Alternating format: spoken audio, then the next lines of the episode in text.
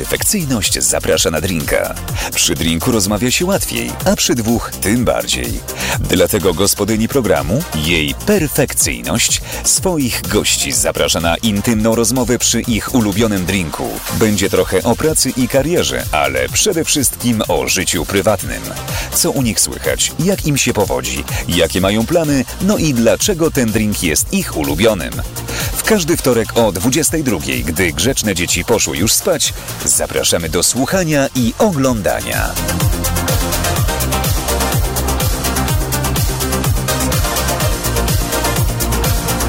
Jej perfekcyjność zaprasza na drinka.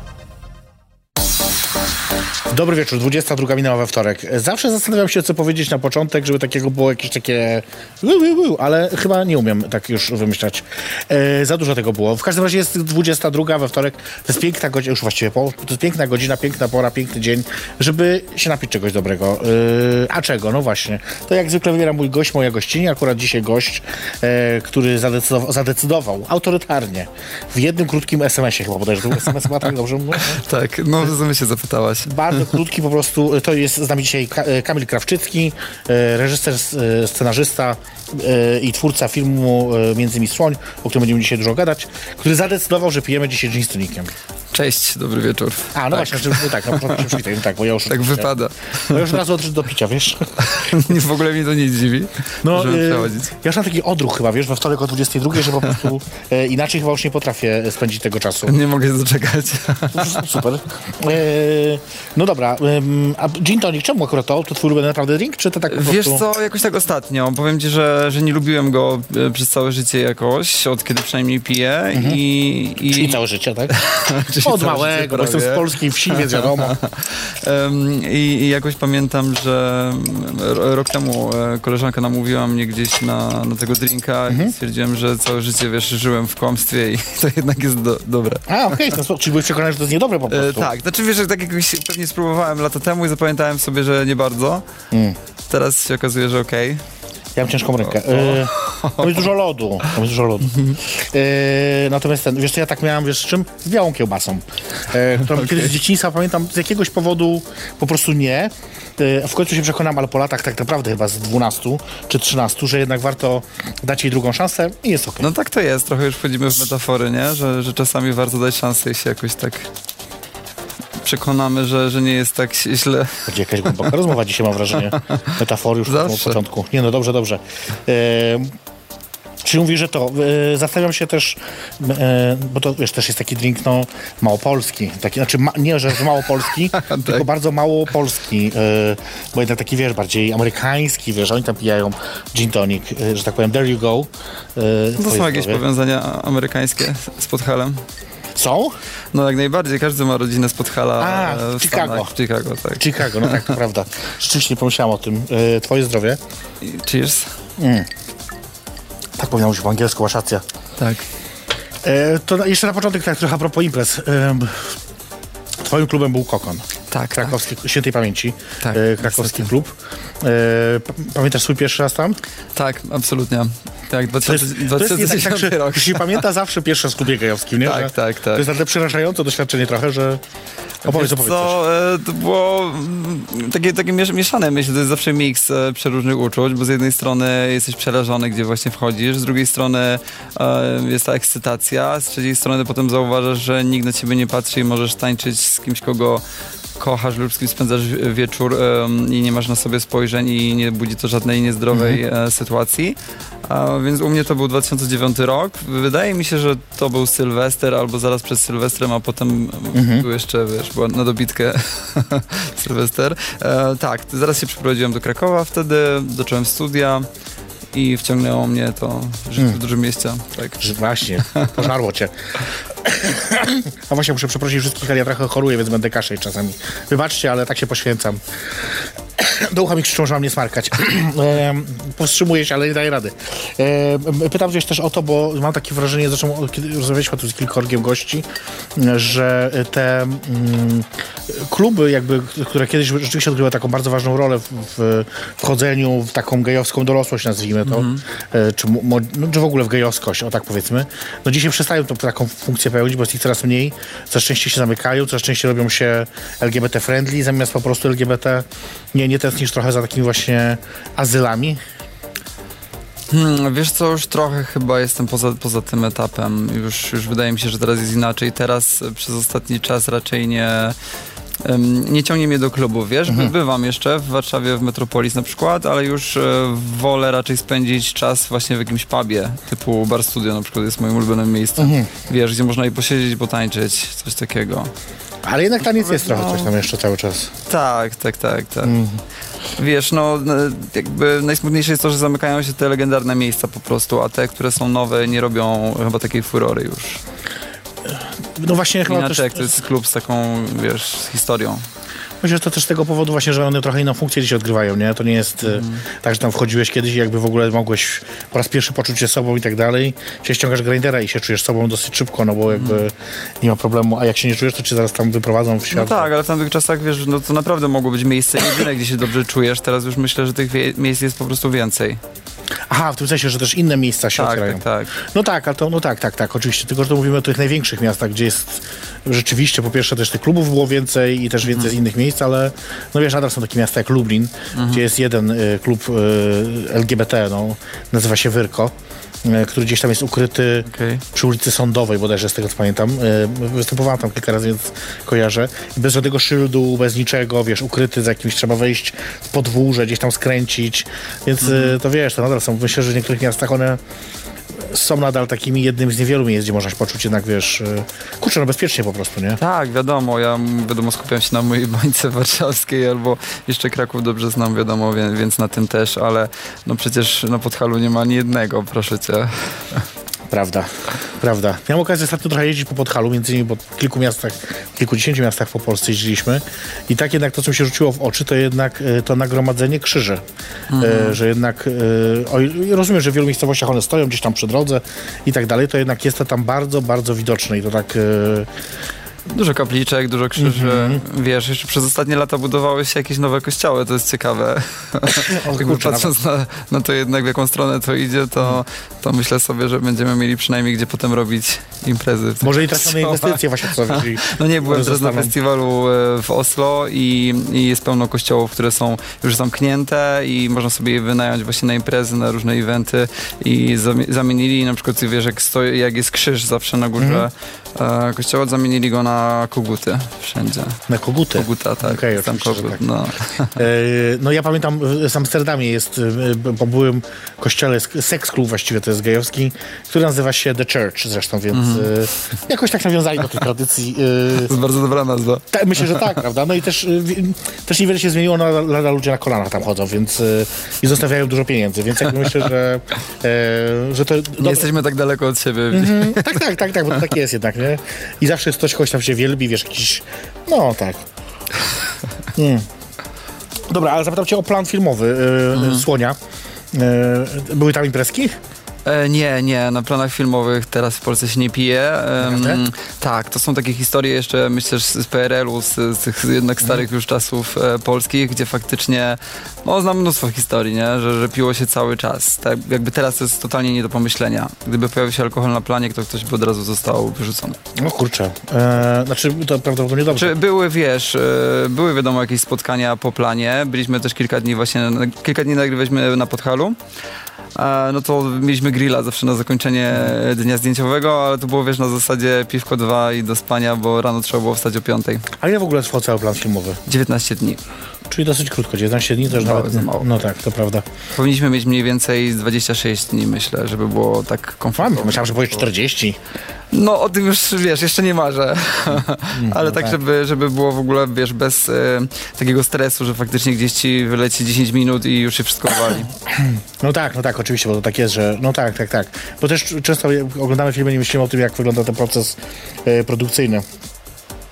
E, No dobra, właśnie, bo e, zanim przejdziemy dalej, bo będziemy teraz gadać trochę o Słoniu, to ja bym chciał jednak pokazać e, chociaż zwiastun tego filmu. Oczywiście. Żebyśmy, ci, którzy jeszcze nie widzieli, nie widziały, to żeby mieli okazję chociaż poczuć klimat, który będzie widoczny w tej, w, tej, w tej zajawce. Więc zobaczcie sobie koniecznie to. My za chwilkę wracamy do rozmowy. Kamil Krawczycki jest dzisiaj moim gościem i to jest program I Perfekcyjność. Zapraszam na linka.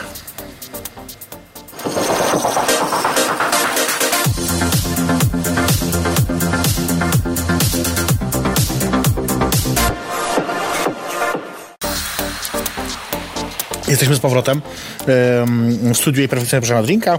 Kamil Krawczycki ze mną, dalej, e, nie uciekł jeszcze, Jeszcze nie. Bo jeszcze ma drinka dlatego. E, Zanim przejdziemy do rozmowy, jeszcze tylko zaproszę na jedną rzecz, bo już najbliższy czwartek e, po raz, po raz pierwszy we Wrocławiu e, dr Anna Torpeda ze swoim stand-upem się pojawi, więc zapraszam Was serdecznie na jej występ pod tytułem dr Anna Torpeda Kobieta z wykształcenia, e, który odbędzie się no właśnie w czwartek w Surowcu, bodajże o godzinie 20. Mamy taką ładną planszę, mogliśmy pokazać, ale nie, nie, chyba nie pokazaliśmy. No i trudno, może później pokażemy jeszcze. Także wpadajcie, bilety jeszcze do kupienia są na bilety i perfekcyjność.pl. E, no, no, reklama musi być. Oczywiście. Wiadomo. Była twoja, teraz moja. To ja też zareklamuję. Zapraszam do kin. No właśnie chciałem powiedzieć, że była twoja, więc teraz dobrze mówisz. Jak E, najszybciej nie wiadomo, ile nas będą grali. Wiesz, jak to jest. E, Jednak jesteśmy niszowym filmem, No jasne. więc biegnijcie do kin. Wiesz co, ostatnio mnie zdziwiło, bo jest ten amerykański film w sumie komercyjny, Bros, e, tak, tak. który grali strasznie krótko, właściwie nie wiem, czy dwa tygodnie. Ale jest jeszcze, w Cinema City jeszcze jest. A, w Cinema City, okej. Bo dzisiaj sobie sprawdzałem, e, bo to jesteśmy też w Cinema City i mignęło mi bros. Bo mój właśnie e, współlokator szedł kilka dni temu i tak szukał, szukał, mówi, że już prawie nigdzie nie ma, więc No to e, od kina zależy, wiadomo. No. Wiadomo, to jednak jest kino e, gejowskie, więc e, po- zwykły, prawdziwy Polak na coś takiego nie pójdzie. E, żartuję oczywiście. Teraz będziemy gadać, choć jak się jakoś spoilery pojawią, to musicie wybaczyć nam. Ja nadzieję, O że nie.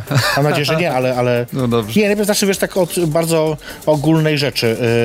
W Koszalinie dostałeś, dostałeś nagrodę za najlepszy film w konkursie filmów W mikrobudżetowych. Gdyni, w Gdyni. Przepraszam, w Gdyni, tak, tak, przepraszam. Moje pytanie brzmi, ile to jest niski budżet? E, 700 tysięcy złotych to jest, to wydaje się dużą sumą, bo to jest dużą sumą, ale jeśli chodzi o produkcję filmową, to jest mniej więcej 5 razy za mało. Kiedy chcesz zrobić film pełnometrażowy, kameralny mimo wszystko i spisujesz sobie do 700 tysięcy złotych w kosztorysie, to znika ci właściwie w minutę i wszyscy stwierdzają, że to nie ma w ogóle sensu, że to się na pewno nie uda.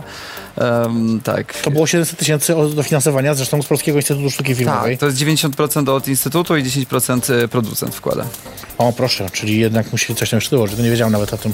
E, producent to zresztą jest Tom Gariro, a właściwie Kuba e, Mróz, właściciel Tom Gariro, więc to też fajnie, że w końcu się zdecydował i na ten krok i, i poszedł e, dalej, nie tylko dystrybucja, ale... Fajna historia, jak się spotkaliśmy z tym projektem.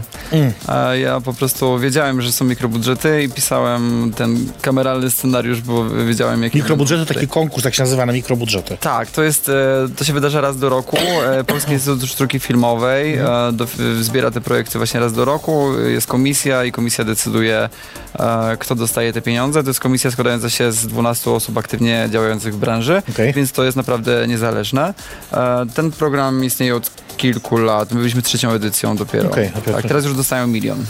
Tak, inflacja, więc wiesz, teraz jest Kurwa, inaczej. dobrze mają. E, no tak, tak, tak, oczywiście. E, więc jak wiedziałem, że są te mikrobudżety i że to jest właściwie moja duża szansa, żeby zrobić film w ogóle mm, i pisałem sobie ten scenariusz i przeczytałem wywiad z Kubą na dziesięciolecie Tongariro, w którym on powiedział, że jego marzeniem jest zrobić e, film, wyprodukować ich własny film, więc wtedy od razu się z nim skontaktowałem. Bardzo się wtrącał?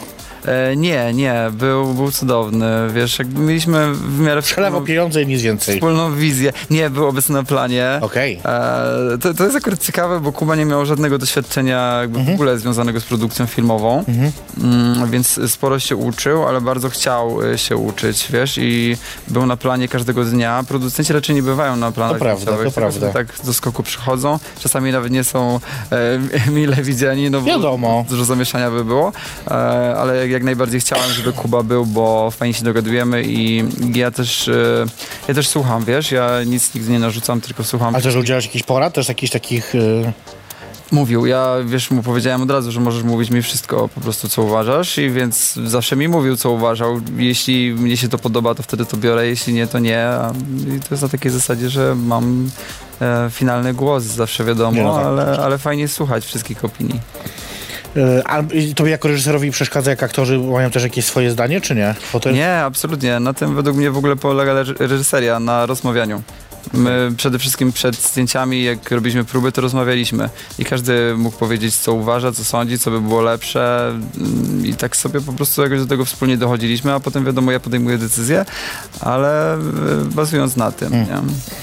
E, tematem, który musi się pojawić, jest oczywiście kwestia tego, e, zresztą mówiłeś o tym w jednym z jednych wywiadów em, po, po premierze, czy około premiery, że mm, kwestia odgrywania ról gejowskich przez aktorów, którzy nie są, nie są gejami.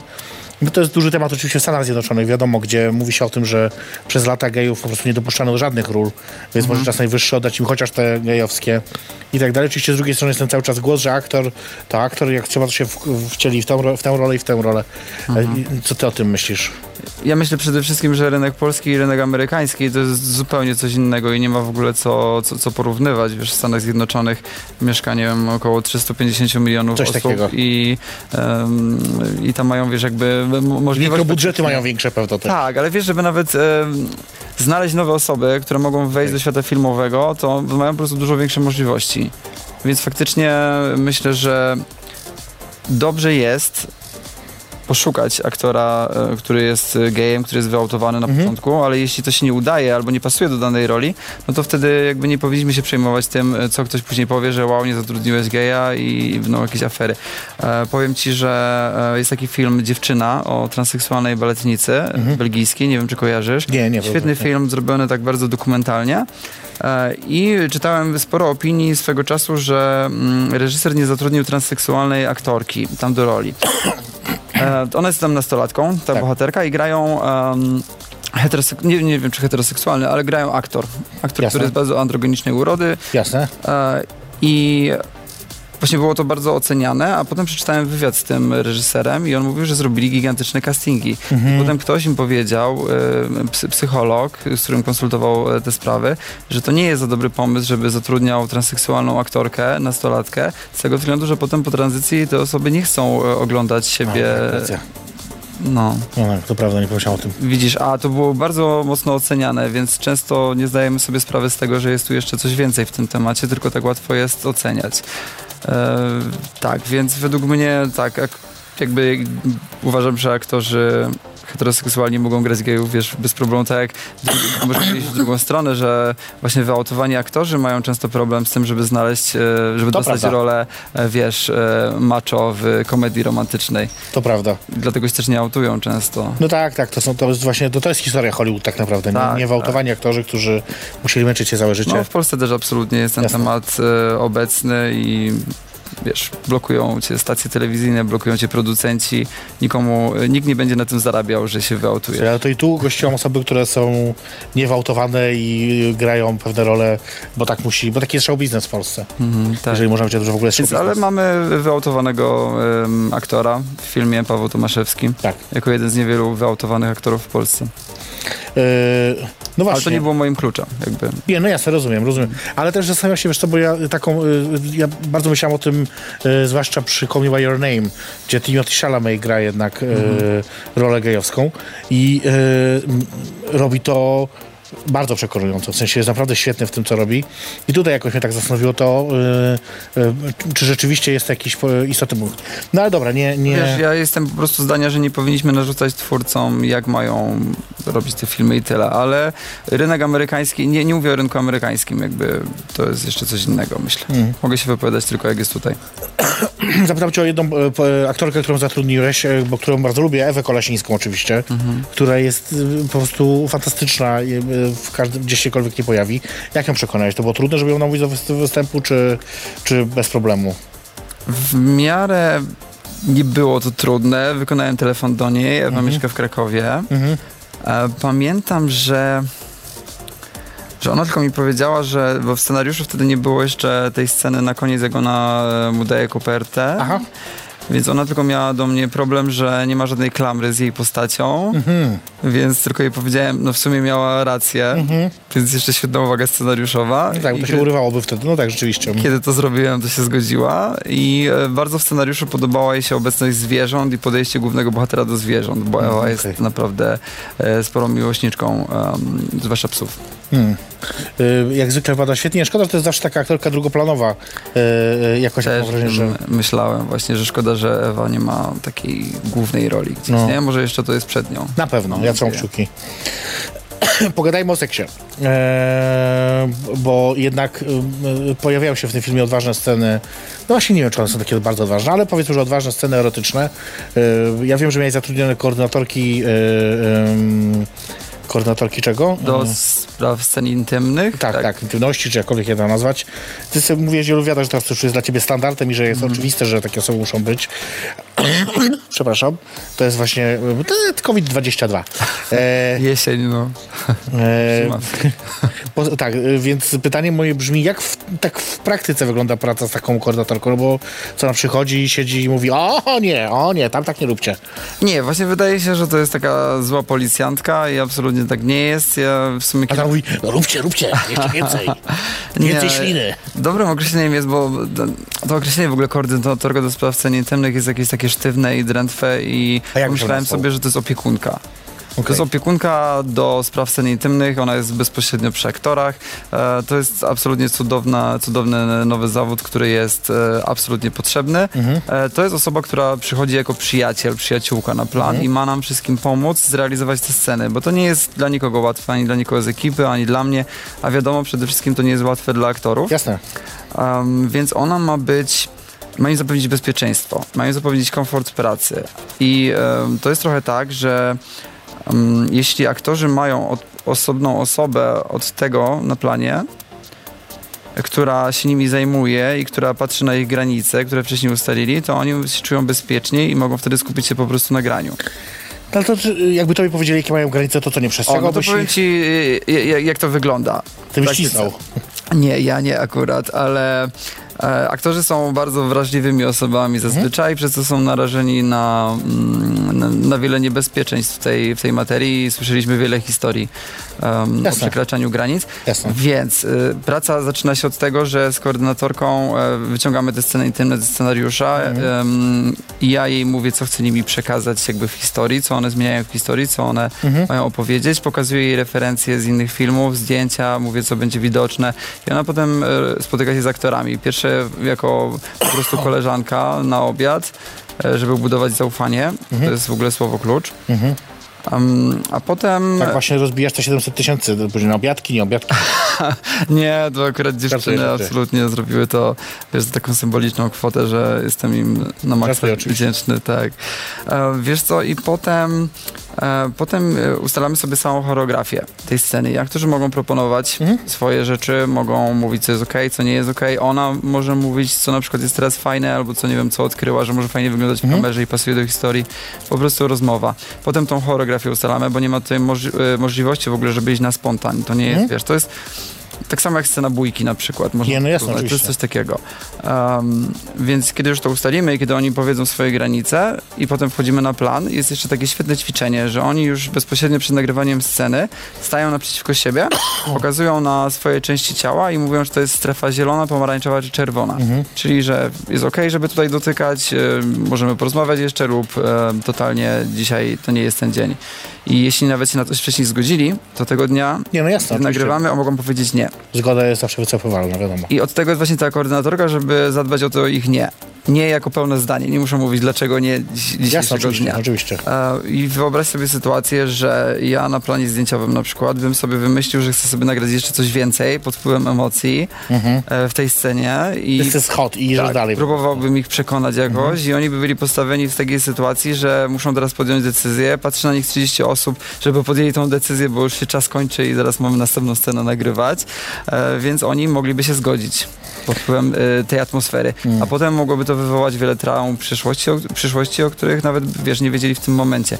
Więc kiedy mają tą osobę, której mogą powiedzieć nie, nie muszą się tłumaczyć i ona pójdzie do reżysera i będzie starała się Powieje zgasić to ognisko. Tak, tak, że granica to jest, rozumiem. Tak, to, to wtedy oni się czują bezpiecznie i mogą się skupić po prostu na graniu, bo to jest, to jest scena, która ma pełny przebieg dramaturgiczny, ma czemuś służyć. Czy jest wtedy tak, że jest mniej osób na planie obecnych, kiedy E, jest to tak. sceny? Tak, to znaczy, e, wiesz, osoby są w innym pokoju po prostu. Przy podglądzie mogą być tylko te osoby, które są konieczne, czyli wiesz, charakteryzacja, nie wiem, kostiumy, wiesz, te jakby... Mm, jakby osoby odpowiedzialne za dane piony. Wiesz, Jasne, rozumiem. na przykład nie ma. E, tak. I, I potem faktycznie, kiedy jest cięcie, to jesteśmy tak przyzwyczajeni na planie zdjęciowym, że kiedy się słyszy cięcie, to już od razu każdy przechodzi do poprawek, do Mhm. innych robót i tak dalej, a tutaj faktycznie aktorzy na przykład są nago lub, e, nie wiem, w bieliźnie, więc trzeba ich pierwsze zakryć, więc ona też dba o to, że czekajcie, czekajcie, ja teraz idę tam szlafrok zanieść i... Widzisz, bo to właśnie y, mnie trochę y, bawiło, y, może to złe słowo, ale powiem, bo oglądałem jakiś odcinek um, Top Model, gdzie właśnie były zdjęcia jakieś nagie czy półnagie i tam właśnie była koordynatorka y, intymności i właściwie jej rola ograniczała się, przynajmniej tak było pokazane to, do podawania im szlafroków na sam koniec. Co jakby spoko, też jest oczywiście bardzo ważne, nie, absolutnie nie, nie Tak, bo my naprawdę zapominaliśmy czasami. Ja już nawet, wiesz, wstawałem i mówię, Jezu, przecież faktycznie poczekajmy, nie? I z tego się absolutnie nie śmieję, bo to tak jak mówię, jest bardzo ważne. Tylko tak sobie myślę, że ograniczenie jej roli tylko i wyłącznie do tego jest jakby no, jakimś absurdalnym wynalazkiem, bo jakby podawać szlafroki, to może za przeproszeniem, ale wytrenowana małpa. Więc no, no byłoby to bez sensu zupełnie, nie? Ale teraz rozumiem jakby e, o co chodzi. Tak, więc, więc nawet mieliśmy taką sytuację, e, to jest ciekawe, że nagrywaliśmy równo rok temu, więc... O całowaniu chcesz powiedzieć? Słucham? O całowaniu chcesz Tak, powiedzieć? tak. Ja to już wiem, ale mów, śmiało. Ja. E, wiesz co, więc nagrywaliśmy scenę pierwszego pocałunku i e, to było rok temu, więc była jesień, więc każdy sobie tam kaszlał na planie trochę, było covidowo, więc każdy, Nie to, co ja był, dzisiaj. każdy też był troszeczkę przestraszony, nie? Um, I tutaj ma, być ta, ma się wydarzyć ta scena całowania i oni się właśnie mapują przed, e, czyli sprawdzają sobie te części ciała Mhm. e, i nagle dochodzą do tego, że oboje nie czują, żeby się mieli teraz całować, nie czują, żeby usta Strefa tutaj, czerwona. Tak, strefa czerwona. Mhm. Więc e, koordynatorka wtedy, Marta Łachacz była z nami na planie, e, tak wiesz, patrzy na nich i mówi, no, czyli Będzie scena o, o całowaniu, a wy się nie możecie całować, okej, to zawołam reżysera. No i Marta do mnie przychodzi, mówi mi jaka jest sytuacja, no i tak pierwsze sobie stanęliśmy w czwórkę naprzeciwko siebie i tak staliśmy przez 30 sekund i mówię, aha, okej. Dobra, co teraz? A potem się okazało, że mm, słuchaj, po prostu wystarczyło porozmawiać. I to chodziło o to, że jest stresująca sytuacja. To była pierwsza scena intymna, którą nagrywaliśmy. Em, ludzie kaszeli na planie, więc też mogli się bać. Trzeba było po prostu porozmawiać, rozładować te napięcia i mogliśmy nagrać tą scenę. Ale Dobrze, widzisz, dobrze, że się no, udało. koordynatorka tutaj pomogła bardzo. Dobrze, że się udało, bo scena jest ważna. E, słuchajcie, zrobimy sobie krótką przerwę, e, bo e, przez to, że Kamil dużo mówi, to nie może się napić spokojnie. A ja od razu moje serce cierpi odpuszczone. Ale zostańcie oczywiście z nami jeszcze. Ja wam chcę pokazać fragment naszego programu sprzed tygodnia. Moim gościem był, był Daniel Midas, m, osoba robiąca stand-upy, stand-uper, i, ale też taka, która występował, taka osoba, która ma w swojej przeszłości dziecięcej występy drag queen. O co chodzi, jak to wyglądało? Zobaczcie koniecznie krótki fragment naszego programu sprzed tygodnia, a my za chwilkę to do Was wracamy. To jest jej perfekcyjność. Zapraszam na drinka.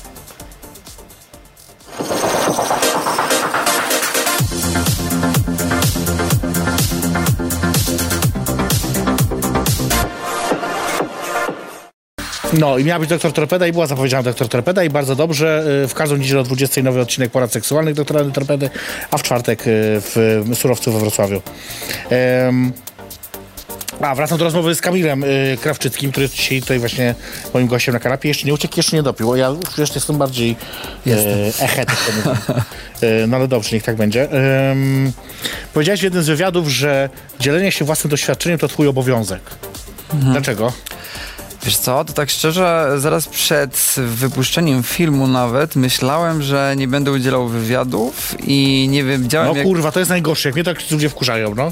No, Niech ale to nie. przyjść do mnie. Kurczę, wiesz, bałem się no, jako debiutant, A, wcześniej okej. nie miałem doświadczenia w tym, więc mówię, kurczę, nie będę ani ciekawie opowiadał, ani nie wiem, może nie będą ciekawe te historie, więc po co w ogóle, po co w ogóle to ruszać? E, myślałem, że te spotkania też jakoś tak niekoniecznie i no, pam- pamiętam, że W ogóle zamknąć się w domu i nic nie robić. Tak, pokazałem wam film, w ogóle wystarczy. Wypierdala. Sporo reżyserów tak do tego podchodzi No faktycznie. I słuchaj, e, mieliśmy premierę na Nowych Horyzontach we Wrocławiu. Mhm. E, Wtedy też byłem na maksa zestresowany, bo pierwszy raz pokazujesz film, nie? Po kilkuletniej pracy i nie masz pojęcia, jak ludzie odbiorą ten film. Zielonego pojęcia. Więc wtedy jak słyszałem, że mm, wszystkie reakcje na sali, które były bardzo intensywne i Mhm. potem ta rozmowa zaczęła się od tego, że pierwszy chłopak, który się wypowiedział na sali, sala na 350 osób chyba, powiedział, że chciałby zobaczyć ten film, jak miał 15 lat. I to mnie tak totalnie rozbroiło, że, że wiesz, potem te wszystkie głosy z publiczności, ludzie podchodzili ze łzami w oczach, przytulali się, naprawdę. To mi dało jakąś taką motywację, żeby, żeby mówić, plus odkryłem, że, że nie mam żadnego problemu, żeby opowiadać o tym wszystkim, bo to po prostu e, moje życie i ten film to też moje dziecko, więc tutaj e, już się w ogóle nie, nie, nie boję e, poruszać w ogóle się nie boję poruszać jakby w wywiadach, nie? I, i uświadomiłem sobie też, że mam tutaj obowiązek. Bo Ale jeszcze, Skąd ono wynika, wiesz, bo ludzie, ta historia, którą opowiadasz tutaj, czy też historia twoja, która gdzieś tam jest podobna, mówisz momentami do tego, co tam się dzieje, e, jest historią bardzo wielu osób. To znaczy, no, m- tak, tak. ja też jestem z małego miasta, co prawda z Pomorza Zachodniego. Ale więc właśnie trochę dlatego mam ten obowiązek, nie? Ale to nie znaczy, że każdy z nas ma ten obowiązek? Nie, nie, ja dostałem głos. Jestem Ach, osobą publiczną, teraz dostałem głos, zrobiłem film jeszcze na ten temat, jestem w środowisku obecny i wyautowany, um, więc, więc myślę, że to jest teraz mój obowiązek. Jakby nie uważam, że to jest każdego obowiązek, Okej. absolutnie nikogo nie wpycham w ogóle w te aktywistyczne e, sprawy, e, w, absolutnie. Uuu, trudne słowo padło na A, zaraz będzie to gadać. Nie, no. Ale wiesz co, miałem takie obiekcje trochę em, czasami jak moi rodzice do tego podejdą, jakby oni są na maksa liberalni i mamy świetny kontakt ze Mhm. sobą, ale bałem się, że oni nie będą chcieli być e, na świeczniku, bo jednak wtedy Okej. też zawsze o nich opowiadam, więc miałem No tak. trochę, to, trochę to mnie męczyło, ale potem sobie uświadomiłem, że, że nie, że nie mogę się przejmować niczym, co jest tutaj dookoła, tylko muszę po prostu mówić na głos, ponieważ robię to też dla młodego siebie, bo jakbym ja 15-letni czy nawet 20-letni usłyszał to, co ja teraz opowiadam, to na pewno by mnie to bardzo zmotywowało i do robienia swojego i po prostu do bycia sobą. Żeby jeszcze szybciej uciec. E, żartuję oczywiście, ale powiedz mi, bo to, o mówisz, jest ważne, to jest, ten film jest też e, filmem o relacji rodzinnej, o relacji dziecko-rodzic, czy, czy konkretnie syn-matka. E, I ja się zastanawiam, na ile wiesz, bo on jednak przedstawia taką bohater, który tam jest, jest jednak postacią, która ulega jednak tej narracji, że musi tej matce pomóc, że musi z nią być, musi i tak dalej. On nie sprawia wrażenia też bardzo nieszczęśliwego z tego powodu, jakby zaakceptował to w pewnym sensie. Ja zastanawiam się jednak nad tym, wiesz, bo coraz częściej nam się próbuje powiedzieć bardzo ważne przesłanie, które myślę, że jest do powtórzenia wiele razy. Nic nie jesteśmy winni naszym rodzicom. tak. Jakby, że no wręcz, wiesz, jakby oczekiwanie e, z ich strony czegokolwiek jest jakby nadużyciem tak naprawdę. Więc zastanawiam się, na ile to jest trudny temat, nie? Do pokazania w filmie właśnie, żeby z jednej strony, ja rozumiem, że on taki jest, ale z drugiej strony też nie chcemy, żeby ludzie tacy byli chyba, nie? W pewnym sensie. Tak, no jednak jest ta przemocowość w Polsce i wychowujemy się z tym przekonaniem, że jesteśmy coś winni rodzicom i musimy Kto mi na stare lata pożera szklankę wody, nie? Tak, to Słyszałeś to w domu kiedykolwiek? Straszny tekst przecież. w ogóle, nie? Ale jakby cudowne, Wody? że żyjemy w czasach, gdzie, gdzie już się to kwestionuje, nie? Że się o tym mówi na głos. Więc myślę, że to jest w ogóle temat numer jeden Hmm. e, też wśród młodych filmowców teraz. Rodzina. Relacja z rodziną, no tak, tak, obalanie, tak. wiesz co, te, tej świętości rodziny, która była faktycznie obecna przez, przez całą historię Polski. No, chyba, tak. tak. Też y, to, co odtwarzasz, czy pokazujesz w tym filmie, to jest taka bardzo miłość, taka, ja ją nazwę trochę szczenięcą mimo wszystko, taka, Mhm. wiesz, taka y, trochę bajkowa. To jest miłość potrzebna do tego, żeby on po prostu zadbał o siebie, żeby on coś zrozumiał, żeby tak. On, on dostaje coś od Dawida, tak? I, Jasne, jasne. Mhm. Ale chodzi też bardziej o to, że jest to taka miłość, y, takie mm, uniesienie. Ja nie wiemy, czy to jest jego pierwsza miłość, bo tego jakby nie wiemy w filmie, ale jest takie, takie bardzo to intensywne, takie bardzo Tak. y, młodzieńcze, takie bardzo świeże. Bo z jednym z wywiadów mówisz, że my, tam a propos osób rozmawiających, jesteśmy już starzy i zgorzkniali. Y, Więc zastanawiam się, jak udało ci się wyciągnąć z, wiesz, z aktorów tę, tę właśnie młodość, świeżość, bo to jest trudne mi się wydaje, nie? Bo ja wiem, co masz na myśli, mówiąc, że jesteśmy starzy i zgorzkniali. Ja jestem stara, gruba i zmęczona, więc jakby y, total rozumiem. Czy to było trudne, żeby oni jakby zagrali właśnie takie, wiesz, młodzieńcze uniesienie? To chyba pytanie do nich bardziej by było, Hmm. wiesz. e, Są świetnymi aktorami, więc po prostu to zrobili. Powiedz. E, Jakby sporo rozmawialiśmy, mm, zrobiliśmy sobie taki krąg e, zaufania z chłopakami i rozmawialiśmy o swoich, swoim życiu. Mhm. Okej. Każdy się zwierzał ze swojego momentu w życiu, kiedy, kiedy wyjeżdżał z domu, kiedy się zakochiwał pierwszy raz, wierzał o tych wszystkich właśnie pierwszych razach. Mhm. I myślę, że oni potem z tego mogli czerpać, bo tak jak powiedziałem, reżyseria właśnie na, na tym polega, na rozmawianiu. I oni potem sobie, wiesz, aktywują pewnie e, pewne wspomnienia w głowie, pewne uczucia i przypominają o tym. I myślę, że dużo, dużo pomogło właśnie to, że mieliśmy komfort e, pracy, że się lubiliśmy po prostu. Nawet przed zdjęciami wyjechaliśmy razem na, na kilka dni do domku pod, pod Warszawą w lesie i tak mieliśmy ognisko.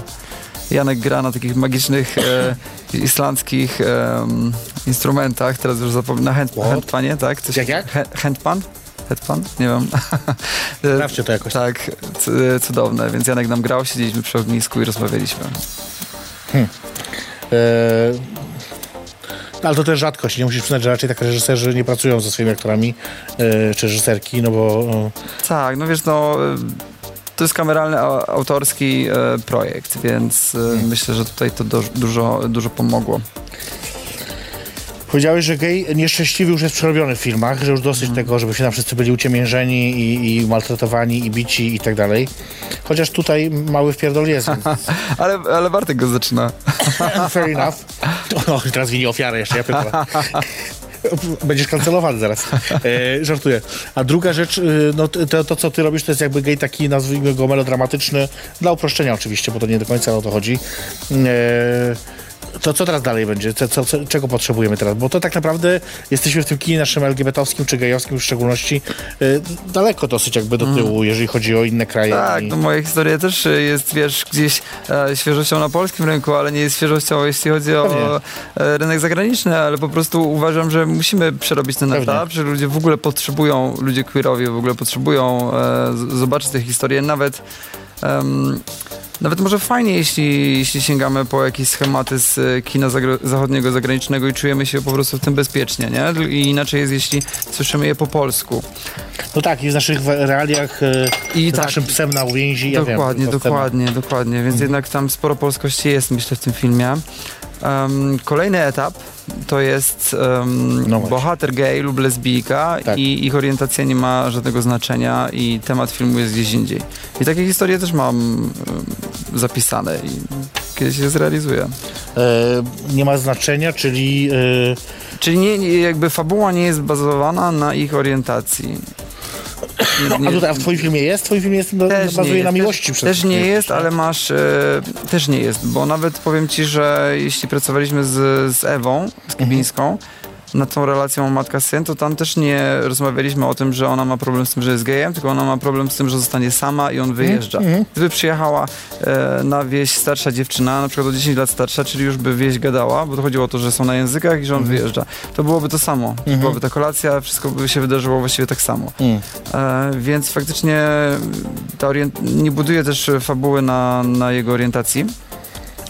Ale pojawia się to jako w ogóle tło, czyli ta homofobia społeczeństwa chociażby. A kolejnym krokiem w filmie jest to, że nie opowiadamy w ogóle o homofobii społeczeństwa, tylko o innym problemie tego bohatera.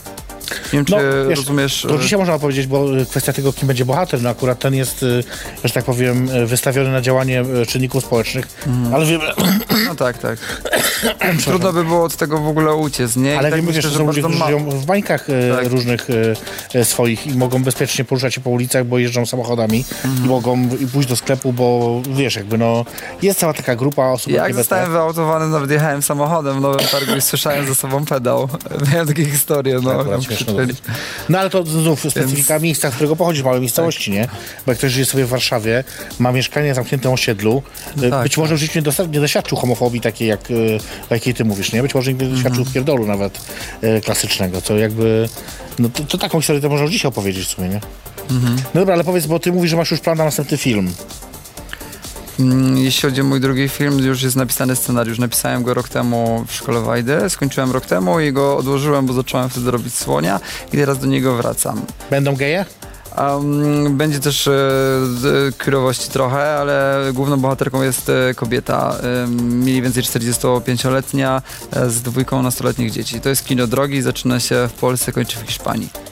Okej, Feel good movie. Ale jeszcze rozumiem, że nie masz na to e, finansowania. E, nie, nie, teraz, teraz, Poszukiwania teraz zaczynam, teraz zaczynam. Najgorszy moment. E, napisać jest najłatwiej. Dobrze, słuchajcie, my zrobimy sobie jeszcze jedną krótką przerwę. Oczywiście za chwilkę do Was wrócimy. E, znów pojawi się e, Daniel Midas. Tym razem powie właśnie o kancelowaniu, o to a propos. I o Beate, Beacie Kozidrak, czy by ją kancelował po tym, jak niektórzy ją kancelowali. To zobaczcie koniecznie. My za chwilkę Was wracamy. To jest jej perfekcyjność. Zaprasza na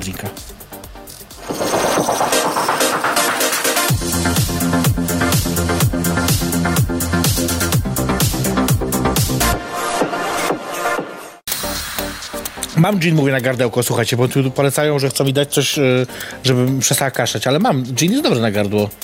Wy nie wiecie o tym? Nie wiedzą, to jeszcze młodzi. E, ze mną... Co, co? co? A myślałem, coś myśli. Whisky? To mam w domu. E, moim gościem nadal Kamil Krawczycki. I już nie ucieknie chyba, bo jeszcze nie dopił cały czas.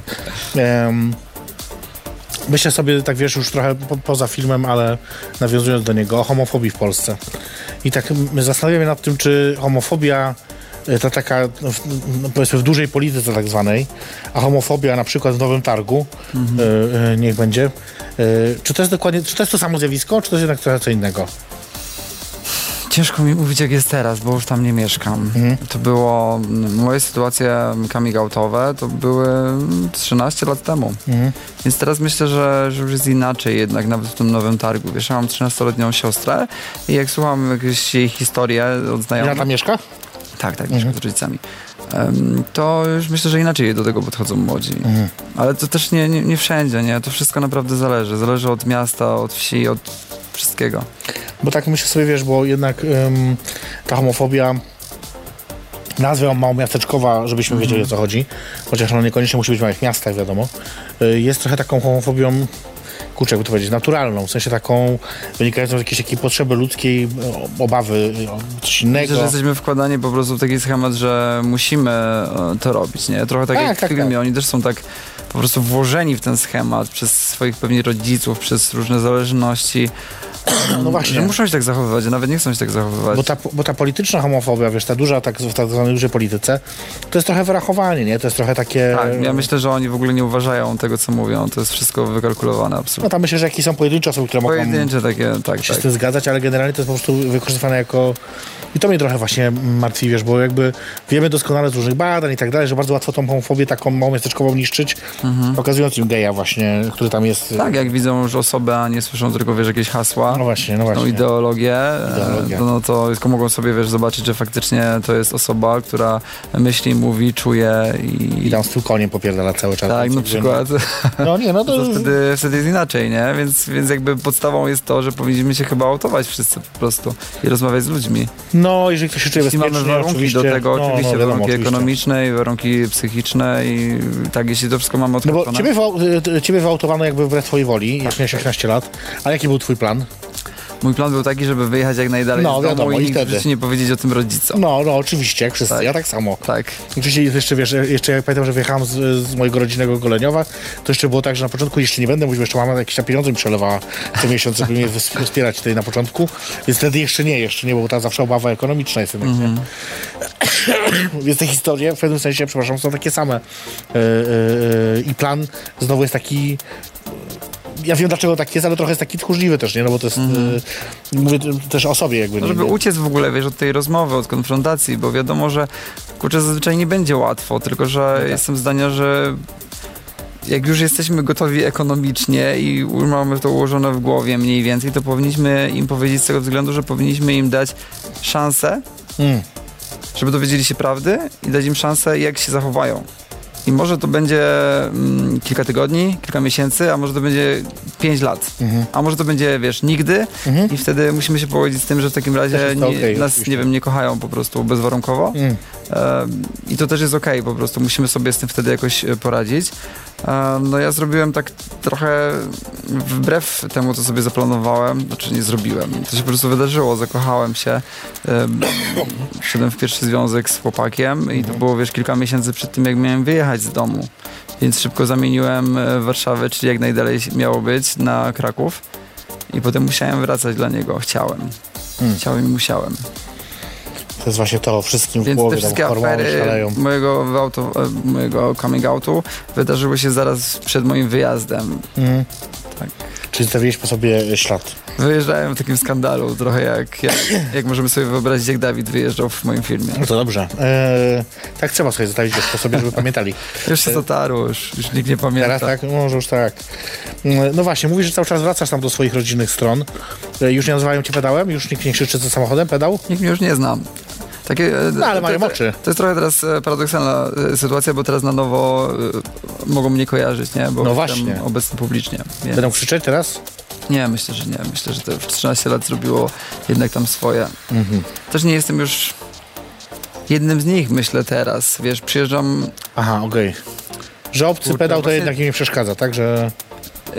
Nie, trochę miałem na myśli, że ja tam przyjeżdżam i spędzam sporo czasu, ale w obrębie mojej rodziny. No, no. Nie? Ewentualnie spotkam się z kimś znajomym, mam właściwie tylko jedną przyjaciółkę, z którą się Mhm. widzę, jak jestem w Nowym Targu, a już nie funkcjonuję tam w mieście, nie jestem wiesz, w liceum, nie jestem tam w pracy, nie jestem w żadnej szkole, wiesz, nie. Więc ich nie interesuje, myślę po prostu. Mm. To trochę smutne. E, Nie wiem, bardzo dobrze, dlatego uwielbiam tam wracać, wiesz. no tak, bo teraz, no tak, oczywiście. Wiesz Trauma zatarta i teraz zostało tylko dobre wspomnienia. nie, co, co, co, do- naj, najpiękniejszy rejon Polski, więc ja, ja uwielbiam. O, tu ja się nie będę wypowiadać, e, bo zaraz będzie Avanti. E, ale a twoje doświadczenie takie na, na co dzień, niekoniecznie tam, w innych miejscach, e, trzymasz e, partnera za rękę, nie wiem, czy masz akurat, nie, nie chodzi, że teraz, ale w ogóle. Czy, czy, czy całujecie publicznie, czy robisz takie rzeczy? Nie, nie, i to jest właśnie bardzo smutne e, w Polsce, wiesz, że myślę, że to jest też zakodowane jakoś u nas ta, ten strach, Mhm. że wydaje mi się, że w Warszawie jakbym to zrobił, jakbym szedł z partnerem za rękę, to nic by się nie stało. Tak? Mi się Zależy w dzielnicy, nie? Ale tak, no wiadomo, no, mieszkam w, w centrum. Mhm. Em, ale trochę boimy się prowokować te sytuacje, tak to powiem. Nie wiem, czy, czy, czy poprawnie. Na zasadzie, że jeśli usłyszysz za sobą nawet pedał, to masz zepsuty od razu cały dzień, czy tego chcesz, czy nie chcesz. Więc ty Hmm. wiesz, że nie chcesz się tak czuć, więc tego nie robisz. Co jest jakby, wiadomo, błędne, bo powinniśmy wszyscy chodzić za ręce i nie, całować się w miejscach publicznych i właśnie może to by zmieniło e, jakoś społeczeństwo, że już by nie, nie powodowało właśnie jakichś niezdrowych sytuacji, bo by byli tak przyzwyczajeni do tego, co widzą, nie? Ale jakby mamy w sobie te obawy, bo no nie chcemy, nie chcesz nawet właśnie usłyszeć nic złego na ulicy, bo no zależy, no na, na mnie to bardzo wpływało. Ale powiem ci, że miałem taką sytuację, to też był jakiś, wiesz, 2010 rok już, Mhm. ale przyjechałem z moim chłopakiem ówczesnym do, do Warszawy na jakiś koncert, ledwo wysiedliśmy w Warszawie, centrum. Mhm. Ledwo wysiedliśmy z dworca i taksówkarz krzyknął z, z taksówki pedały. No proszę. No. Nie, nie musisz tak być nie. Nowym Targu. Dzisiaj już tak nie zrobili. Nie, e, dzisiaj, dzisiaj już nie, dzisiaj już nie. Nie dlatego, że tak nie uważają, tylko... Bo to też jest jakby dwie rzeczy. Czy tak uważają, mam to w dupie, ważne jak się zachowują. E, jakby wobec mnie, prawda? To jest jakby chyba istotniejsze. To, to jest ciekawe, co mówisz właśnie. Y, Rzeczywiście... Wszyscy mówią, że nawet ostatnio wiesz, miałem rozmowę wczoraj taką e, przedstawicielem jednej firmy, która tam chce, żeby powiedzieć o tym sytuacji osób LGBT w Polsce. No i e, właśnie do mnie mówi, no bo Warszawa to jest zupełnie inna niż reszta Polski. Ja mówię, czy jest, czy nie jest. No trochę jest, tak oczywiście, no No. właśnie, ale jednak e, po pierwsze w pierdol można wszędzie dostać. Bardzo zależy też od dzielnicy A faktycznie. zdarzyło ci w pierdol dostać w Warszawie? E, nie, nie. A czy jak wychodzisz z domu... Tylko tą odzywkę miałem wtedy w Krakowie, też tylko z dwa razy usłyszałem za sobą pedał. I tyle. Jak wychodzisz z domu, to myślisz, czy ubrałeś się za bardzo pedalsko, czy nie? Nie, nie, nie. Okej. Nie, jakby... Nie, staram się w ogóle teraz niczego nie bać i... Myślę, że nawet byłbym w stanie iść za rękę z partnerem, gdyby druga osoba chciała. Dobra, to jeszcze y, na sam koniec, y, bo już nas czas goni. y, Słuchaj, czy zarobić na tym filmie? E, wiesz, Bo box jest... office jeszcze nie ma z tego tygodnia, więc jeszcze E, sprawdzałem specjalnie, ale... Jest, jest. Jest już? 3,5 tysiąca mamy e, widzów. Wiesz, to, to jest, jest, myślę, że spoko jak na film jednak undergroundowy i wychodzimy, wiesz, nisz, niszowy film, wychodzimy jednak bez, bez jakiejś wielkiej promocji. Promocja, która się wydarzała, mm, była po prostu jakoś tak samo nakręcona przez dziennikarzy na zasadzie, że po prostu wszystkim albo się podobał film, albo Mhm. czuli potrzebę o tym opowiedzieć, że pisali o tym filmie, dlatego faktycznie jesteśmy wszędzie, ale nie były to, wiesz, wielkie e, te działania promocyjne, nie? Mhm. Em, I co chciałem powiedzieć? Od czego zaczęliśmy teraz? Czy zarobicie na filmie? A czy zarobimy na filmie? Specyfika w ogóle produkcji filmowej jest taka, że, nie zara- że ekipa już nie zarabia na filmie. Mhm. Na filmie zarabia producent, Producent. Mhm. więc, więc PiS? ekipa nie. Tak, to jest tak, że się, wydaje mi się, że się dzieli teraz pół na pół em, producent z instytutem, dopóki nie wrócą em, tego, co włożyli w A, film, ale nie jestem też pewny na 100% teraz. no dobrze, to swoją drogą, to z, ty- z tymi, to ostatnio była ta dyskusja na temat e, Tantiemy będę miał.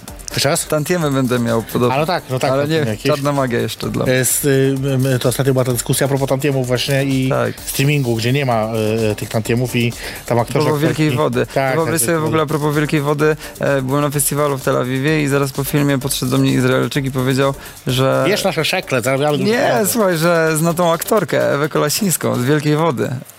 A, okej, No. no, okej, to śmieszne. Czyli faktycznie cały świat ogląda Wielką Wodę. No dobrze, słuchajcie, on zna cały świat Wielkowody, aby cały świat poznał też Słonia, czy też Elephant, the movie. Tak chyba powinno się nazywać ładnie po angielsku, nie? Tak. E, więc e, zapraszamy was do kina, oglądajcie koniecznie. E, je, jeszcze grają spokojnie, więc dopiero co wszedł na ekrany. Cinema City i kina studyjne, tak. O, i kina studyjne. E, no co, ja bardzo serdecznie dziękuję Ci Kamil za wizytę w studiu. Dzięki, że wpadłeś i znalazłeś czas. E, I spokojnie, wiesz. Jeszcze sobie dopiję. Tak, ty piłę jeszcze teraz Mamy czas. Tak, jeszcze muszę mówić chwilkę rzeczy oczywiście. E, nie tylko muszę, ale chcę. Po pierwsze chcę bardzo podziękować oczywiście moim patronom, patronkom, którzy na Patronite wspierają moją działalność. E, pamiętajcie, że każdy z was, każda z was może to robić już od 10 zł miesięcznie tak naprawdę, więc to jest, e, inwestycja jest mała, a dużo zabawy. oczywiście są przywileje, fajne rzeczy, gościnność na różnych stand-upach i tak dalej. Korzystajcie z tego, to po pierwsze. Po drugie, widzimy się oczywiście za tydzień. Jak zawsze we wtorek o 22. Moją gościnią będzie tym razem e, Katarzyna Lubnauer, e, wiceprzewodnicząca chyba, to jest nawet klubu parlamentarnego e, Koalicji Obywatelskiej, więc zostańcie z nami, znaczy bądźcie wtedy też z nami koniecznie.